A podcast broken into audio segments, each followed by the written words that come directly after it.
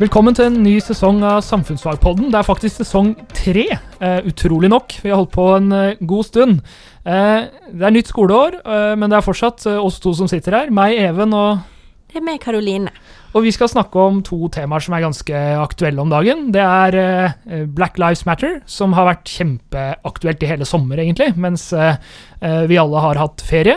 Og så er det en, en situasjon som pågår i Hviterussland, der hvor Lukasjenko er anklaga for valgjuks. Og vi skal også litt innom amerikansk politikk. Vi kommer ikke unna det. Skal ikke snakke så mye om Trump i dag, men heller om demokratene og valg av visepresident. Stikkord for i dag er jo da demokrati, selvfølgelig. Og vi skal også innom rasismebegrepet, for det tror jeg er et begrep som eh, der trenger vi samfunnsfaget mer enn noensinne. For det tror alle har fått utvida litt sånn konseptet Altså hva er egentlig rasisme? Det er noe som Black Lives Matter-bevegelsen virkelig har bidratt til. Det sitter jeg og kjenner på, i hvert fall. Så hvis vi ser litt på hva eh, betyr Black Lives Matter. Så det er en bevegelse som starta som en sånn protestbevegelse etter en konkret hendelse. Det har jo røtter tilbake, hva skal vi se, var det i 2012? Eh, da var det en som heter Traven Martin, han var en 17-åring. Som tilfeldigvis befant seg i et eh, område der eh, kanskje ikke det var vanlig å se svarte unge folk. Hadde på seg hettegenser og ble da skutt av politiet. Mm. Uh, og det her førte til voldsomme, voldsomme protester. Uh, og slagordet Black Lives Matter betyr at det svarte liv betyr noe også, for det at uh, den afroamerikanske befolkninga i USA følte at det svarte svart liv ikke var like mye verdt. Mm. Eh, og da begynte du å se på det vi kaller for strukturell rasisme i det amerikanske samfunnet. Mm. Eh, ordet strukturell det betyr at det er noe som ikke har med individ og enkeltmennesker å gjøre, men noe som sitter i liksom selve samfunnsstrukturene. Mm. Og USA er jo et samfunn som vi kan si er bygd på rasisme. Til eh, stor del så var jo det Altså, det var slaver, var jo folk som var henta fra Afrika.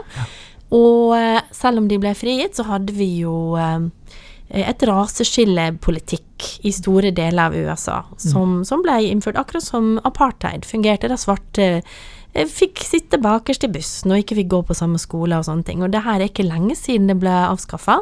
Ja. vi snakker om 60-tallet enkelte steder. Eh, Så rett og slett mennesker med mer melanin i huden, som de sier, altså mer fargestoff i huden enn andre i USA, har blitt behandla Eller ja, hatt eh, både blitt eh, gjort fattigere, hatt færre muligheter til utdanning, og vi ser også at eh, de har studert fengsel i USA, og der sitter det enormt mange svarte menn. Mm. Eh, og det blir jo nesten sett på som liksom slavearbeid, det også, for eh, fengsler i USA er jo private, og der produserer de ting. Det er ofte fabrikker, så det er jo faktisk en sånn moderne type slavearbeid. Mm. Ja, eh, så det er noe som det har blitt retta søkelys mot. Men så skjedde det en ny hendelse nå, da. Eh, Og det var vel i våres. Eh, Alle har vel hørt eh, Altså, I can't breathe var et slagord som kom igjen i demonstrasjonen nå. Da trossa folk koronatiltakene og kom ut på gatene, for da hadde vi enda et menneske med mørk hudfarge. Det var George Floyd som ble drept av politiet under pågripelse ved at ja. noen satt på halsen hans. Eh, Og hvorfor tror du det ble så eh, eksplosivt? Nei, det har jo med hele situasjonen eh, altså, altså, eh, og, og knytta til den strukturelle rasismen og en følelse av forskjellsbehandling. Og det er jo det som, som på en måte ligger til grunn her, og som også er grunnlaget for rasisme. Det er jo forskjellsbehandling. At uh, ulike mennesker blir behandla ulikt. Og så har vi en tendens til å være akseptere mer at uh, hvis det er en sånn jevn blanding av ulike mennesker som blir behandla ulikt, så er det på en måte ikke pga. at du har mørk hud, eller pga. at du har en viss legning eller sånne ting som gjør at du blir forskjellsbehandla, men det er bare for at verden er urettferdig. Det er jo en del av det, men her ser vi jo at eh, det er en forskjellsbehandling som retter seg helt tydelig mot hva slags hudfarge du har. Eh, og eh, når mennesker føler på den type eh, forskjellsbehandling over lang tid, og, og, og, og mange eh, mørkhuda mennesker i USA har jo opplevd at politiet behandler hvite og mørkhuda forskjellig. Og eh, når en, en person blir drept på den måten her, og det blei filma, og det er så tydelig, eh, når du får den der I can't breathe, altså det er jo dramaturgien i det her som også gjør at du, du får den der eksplosive, eh, eksplosive funksjonen av det. Eh, og så og, og, da, når du får den eksplosiviteten, så er det ikke nødvendigvis bare pga. at det var akkurat denne personen, George Floyd. Altså George Floyd er en av flere som har blitt uh, utsatt for rasisme. Uh, han uh, mista livet, det er jo ufattelig uh, tragisk. Mm. og er sånn sett en sånn Hva skal man kalle det? En sånn, det er liksom når lunta når ja. sprengstoffet. og da har den lunta brent, brent en stund. det er ikke det er ikke den situasjonen aleine som gjør at vi får Black Lives Matter. Og Det er også viktig med denne bevegelsen. Den strekker seg jo ja, tilbake til liksom, forrige gang man hadde en sånn type situasjon, men den er jo helt klart bundet til til eh, borgerrettskampene og Martin Luther King og hele liksom, Amerikas historie med, med, rasisme og apartheid og det hele. Eh, vi kan jo gå tilbake til, til altså tidligere OL og den type ting, som man har hatt mørkhuda vinnere, og de har vist det ganske klart og tydelig med, med en knytta neve i været, mm, mm. som også var et tegn man brukte nå i Black Lives Matter, og, og som mm. også idretten i veldig stor grad har, har brukt rundt omkring i verden i etterkant etterkant av, av den hendelsen her. Men en ting også som jeg tenker på, at det, eh, Donald Trump har jo virkelig gjort sitt ytterste for å skape et samfunn mm. der forskjellene mellom eh, grupper mennesker er større enn mm. noensinne. Det er jo det vi kaller polarisering, at det er mm. avstanden mellom uh, grupper uh, blir forsterka. Og det er jo noe han dyrka, for det er jo mm. det som gjør at han får tilslutning. At Absolutt. folk opplever det som en konflikt. Så han har jo provosert uh, den svarte befolkninga ved å liksom valg, velge valgkampstarten sin i Talsa, der det var en massakre der mm. hundrevis av svarte ble drept mm. av KKK-folk eh, bare for 100 år siden. Der valgte han å starte sin kampanje. Mm. Så det er vel noen, eller de fleste er enige om at han har helt mye bensin på det bålet der. Og så eh, eksploderte trykkokeren. Men det som også mm. var litt spesielt, er at det har jo spredd seg til hele verden. Ja.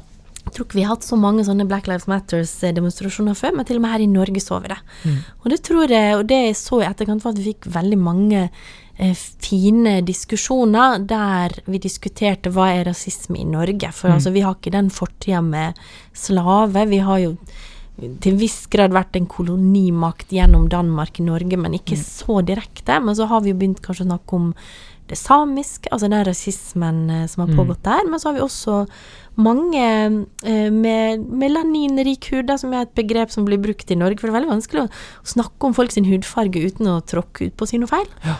Eh, men det som har fortalt om sine historier, mm. om hvordan de har opplevd rasisme i Norge. Og da er det jo eh, ikke snakk om ofte sånne direkte at noen kaster stein på det og sagt sagt stygge ord til det, men det der når du sier med forskjellsbehandling Man har blitt rangert under, og det kom på han som har skrevet 'Tante Ulrikke Svei', som er roman om to gutter på Stovner med mm. uh, Ja, er det fedre, familier som kommer fra Pakistan? Han fortalte om en opplevelse om da det var Lillehammer-OL, så kom det folk på skolen hans, det var på Stovner, for å rekruttere folk som skulle være maskotter til Lillehammer-OL. Mm. Og da ble de brune elevene i klassen bedt om å bare bli på klasserommet når de andre fikk dra på audition. Og det, det, her var på 8, Nei, gud, det var på 90-tallet. Mm. Og det var, det var det lærere skole som sto for. Så det, vi, vi, har, vi, har, kommet en lang vei, men mm. det sitter folk i Norge som opplever sånne ting fortsatt også, da. Ja, altså, altså, vi ser jo at det er vanskeligere å komme på jobbintervju hvis du heter mm. eller har et navn som ikke, ikke, er eh, typisk norsk, eller etnisk norsk, eller hva man skal kalle mm. det. Uh, Eh, slik det er i Norge i dag, så er det jo veldig mange navn som man tidligere ville sagt at ikke er typisk norsk, som definitivt er ja. typisk norsk. Så, så, det også er en sånn vanskelig ting å, å ja, kategorisere. Men det er lettere å få, få, få, Ja, vi må utvide begrepet. Det er lettere å få jobb hvis du heter Ola, enn om du heter mm. eh, jeg vet ikke, Arman. Ja. Eh, og det er jo en utfordring, og, og som er tydelig tegn på en eller annen type strukturell rasisme. Mm. Og det som også er viktig med strukturell rasisme, er ikke nødvendigvis sånn at at noen har satt seg ned og tenkt nå skal jeg være rasist. Altså, mm. Det er ikke nødvendigvis et, et, bevisst valg, men det er noe som ligger i ubevisstheten, og som ligger i, i på en måte tankestrømmene våre. Og Det er litt det samme som eh, når vi eh, Hvis man blir foreldre og får en, et jentebarn, så går man i butikken og kjøper rosa klær. Mm. Og hvis man får et guttebarn, så går man i butikken og kjøper blå klær. Eh, og det er jo ikke noe vi gjør bevisst nødvendigvis, det bare føles helt naturlig å gjøre det. Eller det er bare sånn vi bare har lært å gjøre det. Vi har fått en um, kobling fra vår kulturelle oppvekst. Altså det har det er blitt koda inn i oss, og så fortsetter vi med kodinga ved å overføre det til våre barn. Ja, og da blir det en sånn strukturell Mm. eh, ramme vi beveger oss innafor. Og det er jo også utfordringa med denne strukturelle rasismen. Det er at det, det er ikke nødvendigvis eh, onde rasister som sitter bak, men det er vi som gjennom eh, sånn samfunnet vårt er rigga, som gjør at eh, det er eh, forskjeller. Og i, i, i I likestillingskampen for kvinner så har man jo gjerne snakka om, om glasstaket. ikke sant? At det, eh, det, det ser ikke ut som det er umulig å nå toppen, men det er umulig allikevel. For at det er et glasstak som du vil, du vil dunke borti det eh, på et eller annet tidspunkt. Og, og litt det samme er det her. da, at vi, man, man, Det er ikke så synlig. Eh, det er klart det er synlig når, når eh, en del av befolkningen må sette seg bakerst i bussen, bussen, eller må ta en annen buss enn de andre. Det er klart da da er det bare å Ja, peke da på det det og si se her. Det er jo liksom som mobbing. Altså, Ja. Det er ingen lærere som syns mobbing, mobbing er greit, men veldig sjelden så er det synlig. Mm.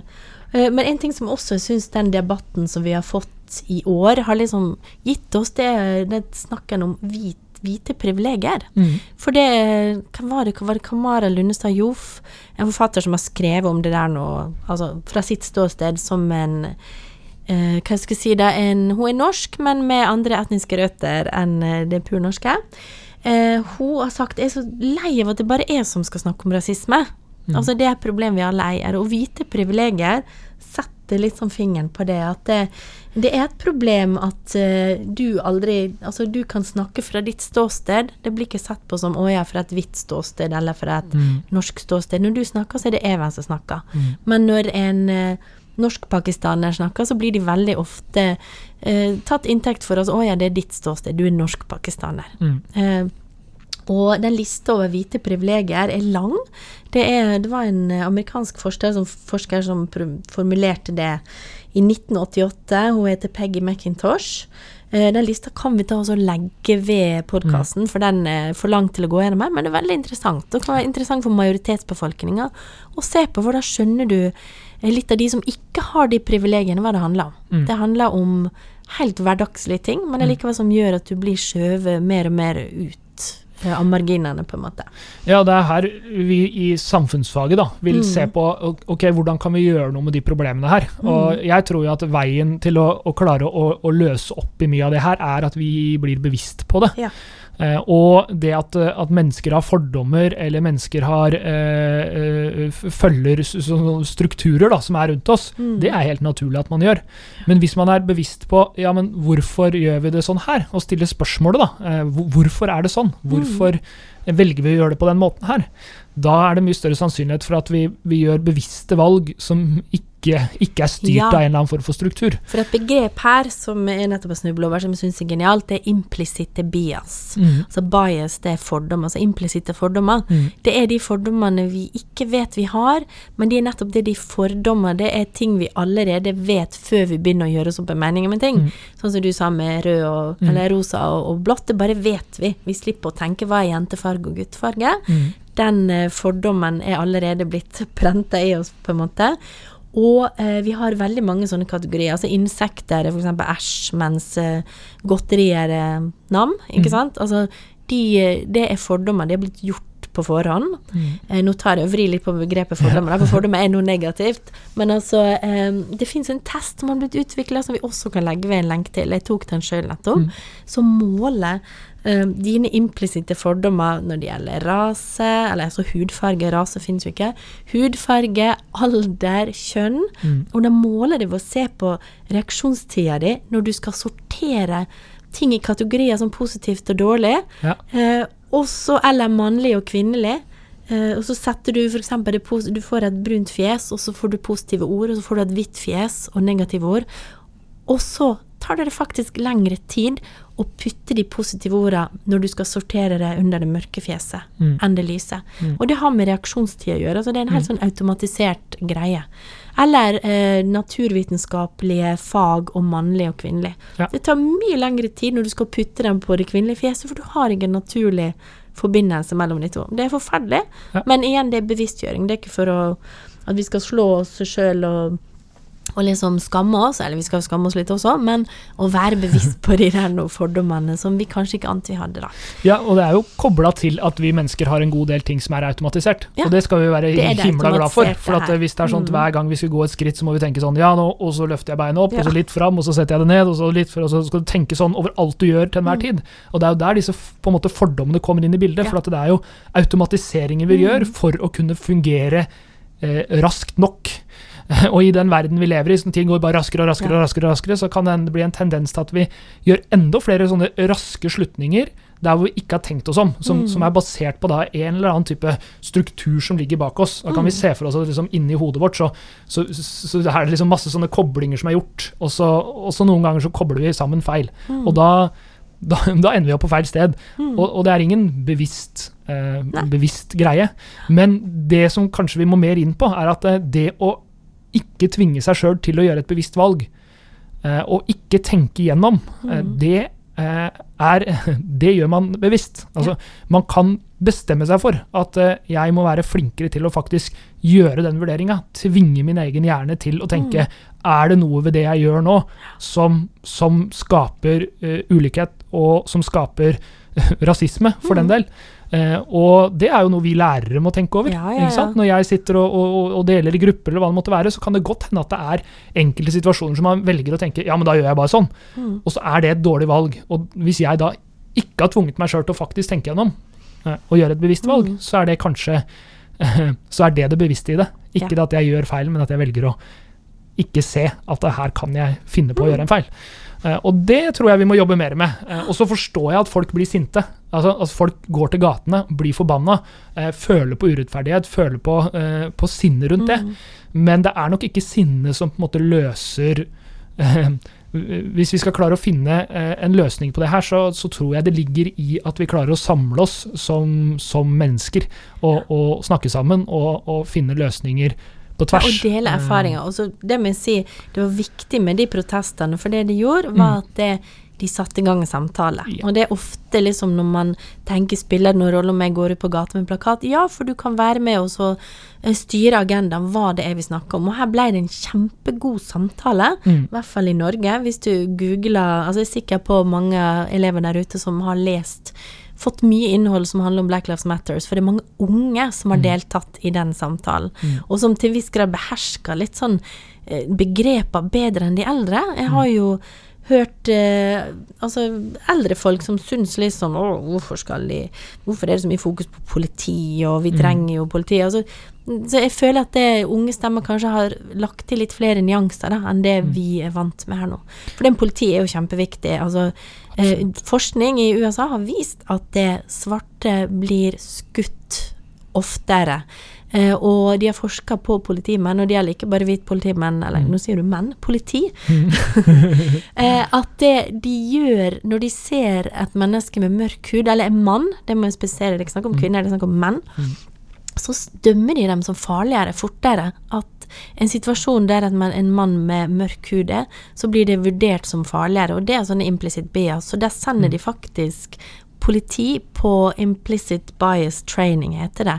Der de rett og slett blir gjort bevisste på det er noe sånn at neste gang så tar ikke en automatisk vurdering som det her er en farlig situasjon. Nei, det er bare en 17-åring som er ute på tur. Han har på seg hette fordi det er kaldt. Mm.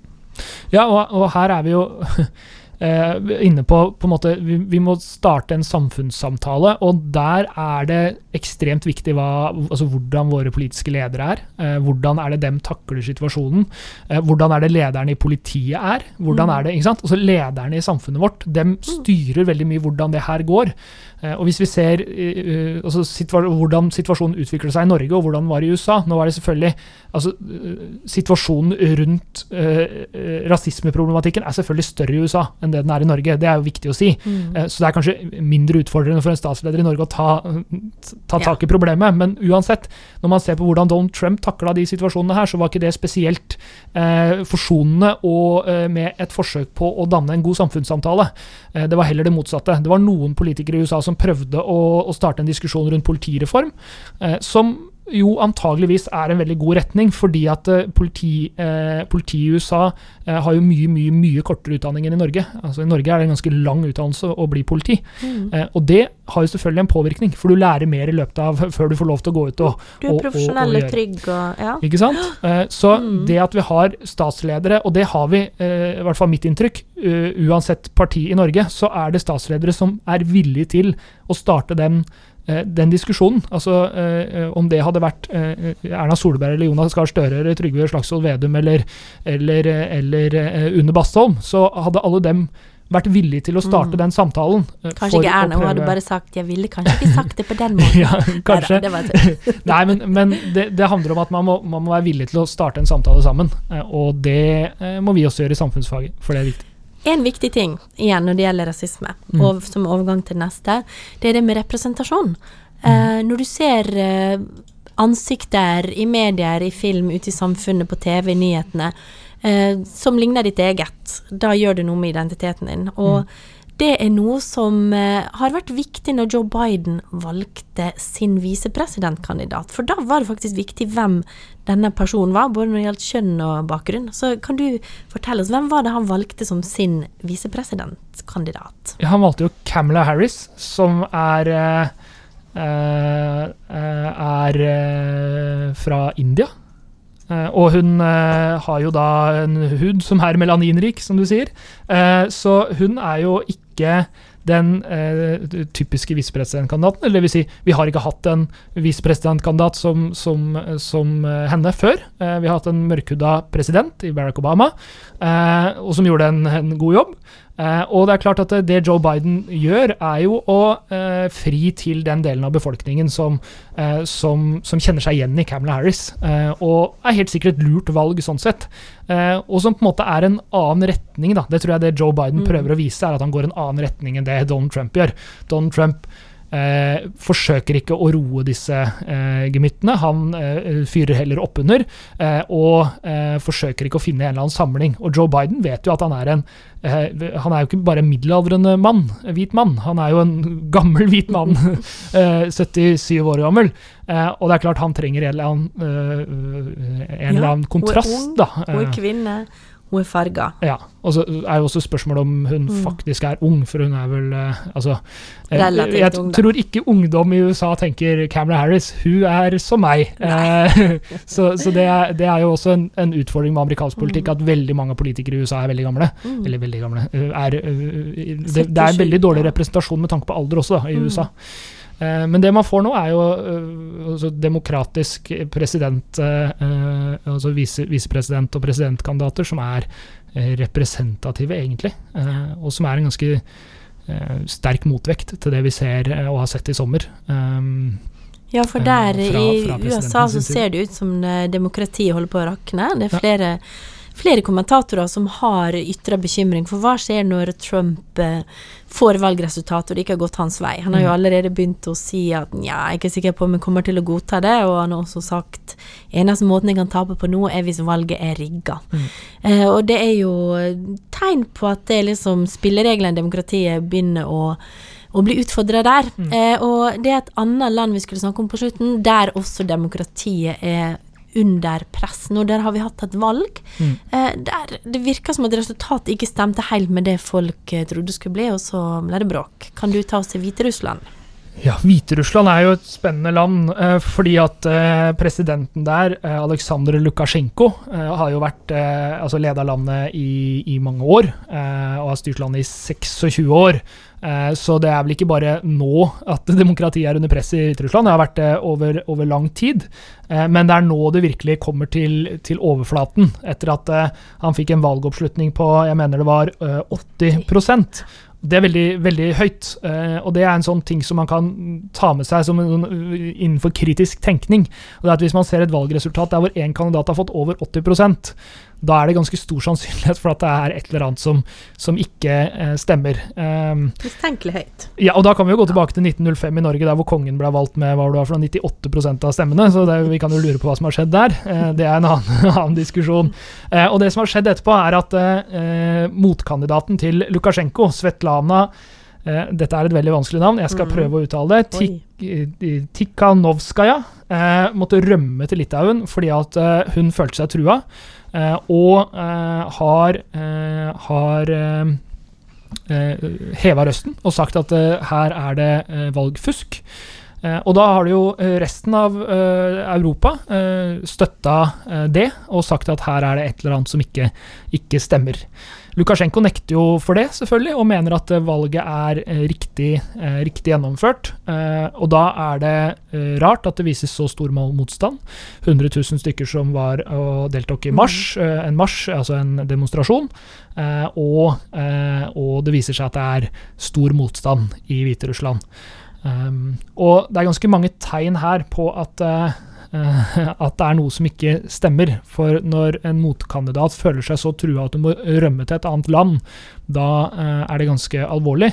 Mm. Eh, og Ja, for eh, rettsstaten er jo noe som er viktig i demokrati. Ja. Og det handler jo om at man ikke skal kunne fengsle At man har- skal ha så sterke rettigheter som individ at man ikke skal kunne bli fengsla av sine Mm. politiske motstandere, men det virker ikke som uh, hun er trygg på det. Nei. Så det sier jo noe med demokrati under press, eller rettsstaten ikke fungerer.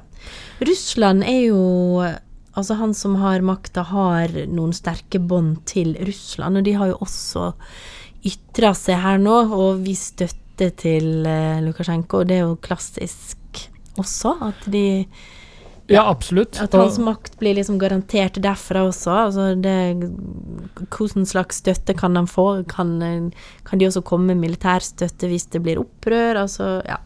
Antageligvis så vil Lukasjenko ha, hvis han klarer å få Mm. hæren i, i Hviterussland med seg, så vil han antageligvis ha nok militær makt på e egne hender til å, til å slå ned motstanden. Problemet er at eh, nå er alle lyskastere vendt mot Hviterussland. Det vil være veldig vanskelig for den å eh, gjøre det.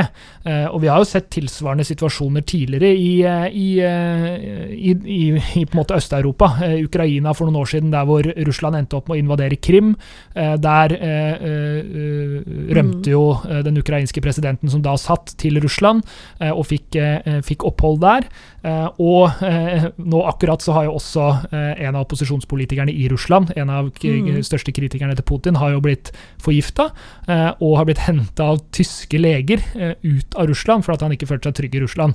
Så det er jo helt tydelig at, eh, at eh, Vladimir Putin her eh, støtter en gjeng som eh, antageligvis er veldig lojale til han, og han føler antageligvis et press fordi at en del av disse landene har en tendens til å vende seg mot Europa når de får eh, Eller vende seg til Europa Ja. eh, når de får eh, Demokrati. viss og Mm. når de får demokrati. Det ser vi jo i, i, i mange av landene. Det er litt sånn den Som, kalde eh, krigen som på en måte Det er spøkelser spøkelse av den kalde krigen, kanskje. Det er en slags Ja. union på gang. Altså, de får eh, støtte og legitimering i eh, stadig mer udemokratisk Russland, Russland, og så eh, motstand mot vestlige verdier og Mm. ja, demokratiske idealer. Altså, det er eh, spesielt når han Lukasjenko uh, bar på en rifle, står det her i NRK, Mm. da han gikk ut av et helikopter søndag, og like ved som demonstrerer 100 000 mennesker. Altså, det er ikke veldig demokratisk. det Nei, ligner mer på. Putin enn andre ting. Ja. kan man jo begynne å snakke om hvilke signaler du sender ut, da, mm. uh, som, som ikke, er veldig, ikke er veldig positivt. Og vi vet jo også at under koronapandemien så, så tok jo, tok jo Lukasjenko til orde for at det eneste man trengte var badstue og vodka, så Ja. eh, kom dette til å gå bra. Eh, og sa at det var såpass varmt nå at eh, det var ikke noe problem med, eh, med dette koronaviruset. Eh, og en uke etterpå så var han i en ishockeyhall i Hviterussland og sa her er det så kaldt, så her, er her dør problem. viruset. Eh, så han Det ligner på noen uh, ikke fingeren på det. ja, nei. Det er noe kjempeaktig Trump-aktig der. Men det er litt så interessant å se hvor lenge kan man Altså hva er det som legitimerer hans makt her? Det er jo ikke folket, for de har ikke stemt på han.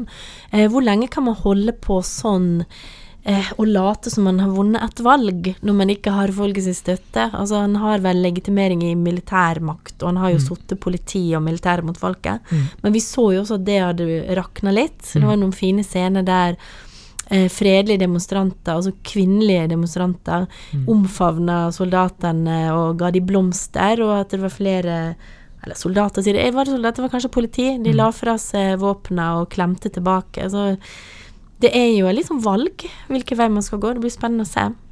Ja, altså på, det, det legitimeringa han har, er jo gjennom, mm. som du sier, militærmakt og politi. Mm. Eh, og det ser vi jo i veldig mange av disse diktator, eh, diktatorstyrene som, eh, som går eh, dukken. Det er jo at, eh, at militæret gradvis velger å eh, å, å gå over til den andre sida. Mhm. Eh, eller at man får eh, intervensjoner fra andre land som tar, tar kontroll. Eh, så spørsmålet her er om, om Lukasjenko klarer å roe situasjonen, eh, og at folket gir seg. Det kan jo skje. eh, og at det ikke eskalerer. Eh, Eller så kan vi få en situasjon der hvor Lukasjenko altså det klikker for han, eh, og at han går løs på sivile med, Mm. med, med militær og, våpen. Eh, og da vil du ha en situasjon der hvor, hvor FNs sikkerhetsråd og den type ting vil, vil diskutere ganske krapt hvorvidt man bør inn og gjøre noe eller Mm. ikke. Så det blir overvåka situasjonen pga. på Ja. av det. Men da kan vi vel liksom eh, På slutten, det er noe som er interessant med sånne autoritære styre, at de ofte følger noen mønster som kan være interessant å se på. Mm. Det ene er en sånn personlighetskult, at eh, det er en dyrking av en sterk mann. Altså vi hadde Hitler, vi har hatt Mussolini, Mussolini vi har Putin. altså det er en veldig sånn persondyrkelse. Og det samme med Trump, det handler veldig mye om han som person. mm. Eh, at det er noe som samler folk eh, rundt en diktator. Altså, de stemmer kanskje ikke på ham, men som gjør at det, de fortsatt kan legitimere makta si. Mm. Det andre er det der med en felles fiende.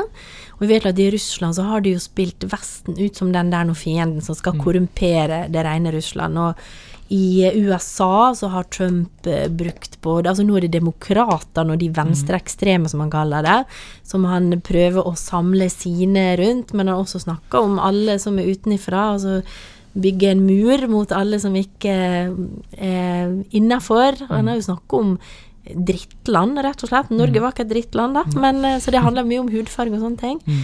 Eh, og eh, de tinga der kan jo være interessant å se på sånne kjennetegn. Mm. Eh, om et land begynner å skli fra demokrati til diktatur. Mm. Så sterk eh, eh, personlighetskult og en sånn samling mot en felles fiende. Da kan vi Mm. begynne å rope varsko. Mm, absolutt. Og så ser man jo også en forskjell på de som på en måte ønsker en felles fiende utenfor. Eh, og så har man land som begynner å se etter felles, altså felles Mm. fiender innenfor. Eh, og det er kanskje noe av det skumleste som fins, fordi at det skaper så enorme eh, motsetninger innad i landa. Og det gjør at demokrati blir Altså, jo større motsetninger det fins innad i et land, jo vanskeligere er det å ha demokrati. fordi at det, Eh, Da blir uenighetene enormt store, og de står steilt mot hverandre. Og i USA som man har first past the post-valgsystem, som gjør at man har topartisystem, det gjør da at da vinner den ene sida og kan styre all politikk de neste, eh, neste åra. Eh, og som da er veldig uenig med den andre sida av befolkningen. Og i en sånn situasjon så får du Det blir veldig store motsetninger. Det er ingen da, kompromiss der, nei. Sånn som vi har her i Norge. Vi har Ja. mange kompromiss. Absolutt, og da begynner man å få en situasjon som kan bli veldig veldig skummel. fordi at da er det uh, en økende fare for at man, at man får motsetninger som blir så sterke at det, ender i vold eller, eh, eller den typen ting. Altså veldig harde demonstrasjoner og den typen ting. Eh, Og det eh, ja, Vi så det i Norge nå med Sian. Eh, Heldigvis ikke noen som styrer Norge på noen som helst måte, men som, som er helt tydelig den enorme kontrasten mellom meningene. Og det er så Mm. sterke motsetninger mellom de to sidene at de, de ender opp med å gå løs på hverandre. Og det er uansett ikke greit å bruke vold, om det er mot en Sian-leder eller om det er mot uh, hvem som helst andre. øh, Så skal man ikke slå, man skal ikke kaste stein. Uh, men, men det er jo den enorme motsetningen i meningsforholdet som, som avler disse ekstreme reaksjonene. Da. Uh, og hvis man da ser for seg at den situasjonen som nå var i Bergen, er i en situasjon der hvor du står mellom to grupper i hele landet, Mm, da blir det da blir det noe annet enn en ungdom som angriper en eh, mann som, som taler hattfullt. Da eh, blir det veldig brennbart. Så, så det er jo utfordringa, når man, virkelig spiller på den motsetnings, motsetningsretorikken da, som, eh, som enkelte er glad i å gjøre. Så følg med og se om demokratiet klarer å stå bast og fast i Mm. både Hviterussland og Nei, ikke Hviterussland, hvor mye har det vært der fra før, da, men altså i USA i hvert fall. Mm. Så det blir spennende å se hvordan det går med valget der. Mm. Uh, og vi fortsetter jo med den gamle læreplanen vi i år, gjør Ja. ikke vi det? Ja, ett år til, selv om vi kommer nok til å så, eh, se mye på de eh, tverrfaglige temaene. Og det er jo demokrati og medborgerskap som vi har snakka mye om i dag, vil Ja. jeg si. Ja. Absolutt. kanskje også bærekraft, for i bærekraft så ligger det jo også eh, Mm, at sosial. man skal ha sosial likhet, eh, og at man skal eh, unngå altså likestilling. Ikke unngå likestilling, men at likestilling Ja. er et av bærekraftsmåla. Eh, så vi er absolutt innenfor det også.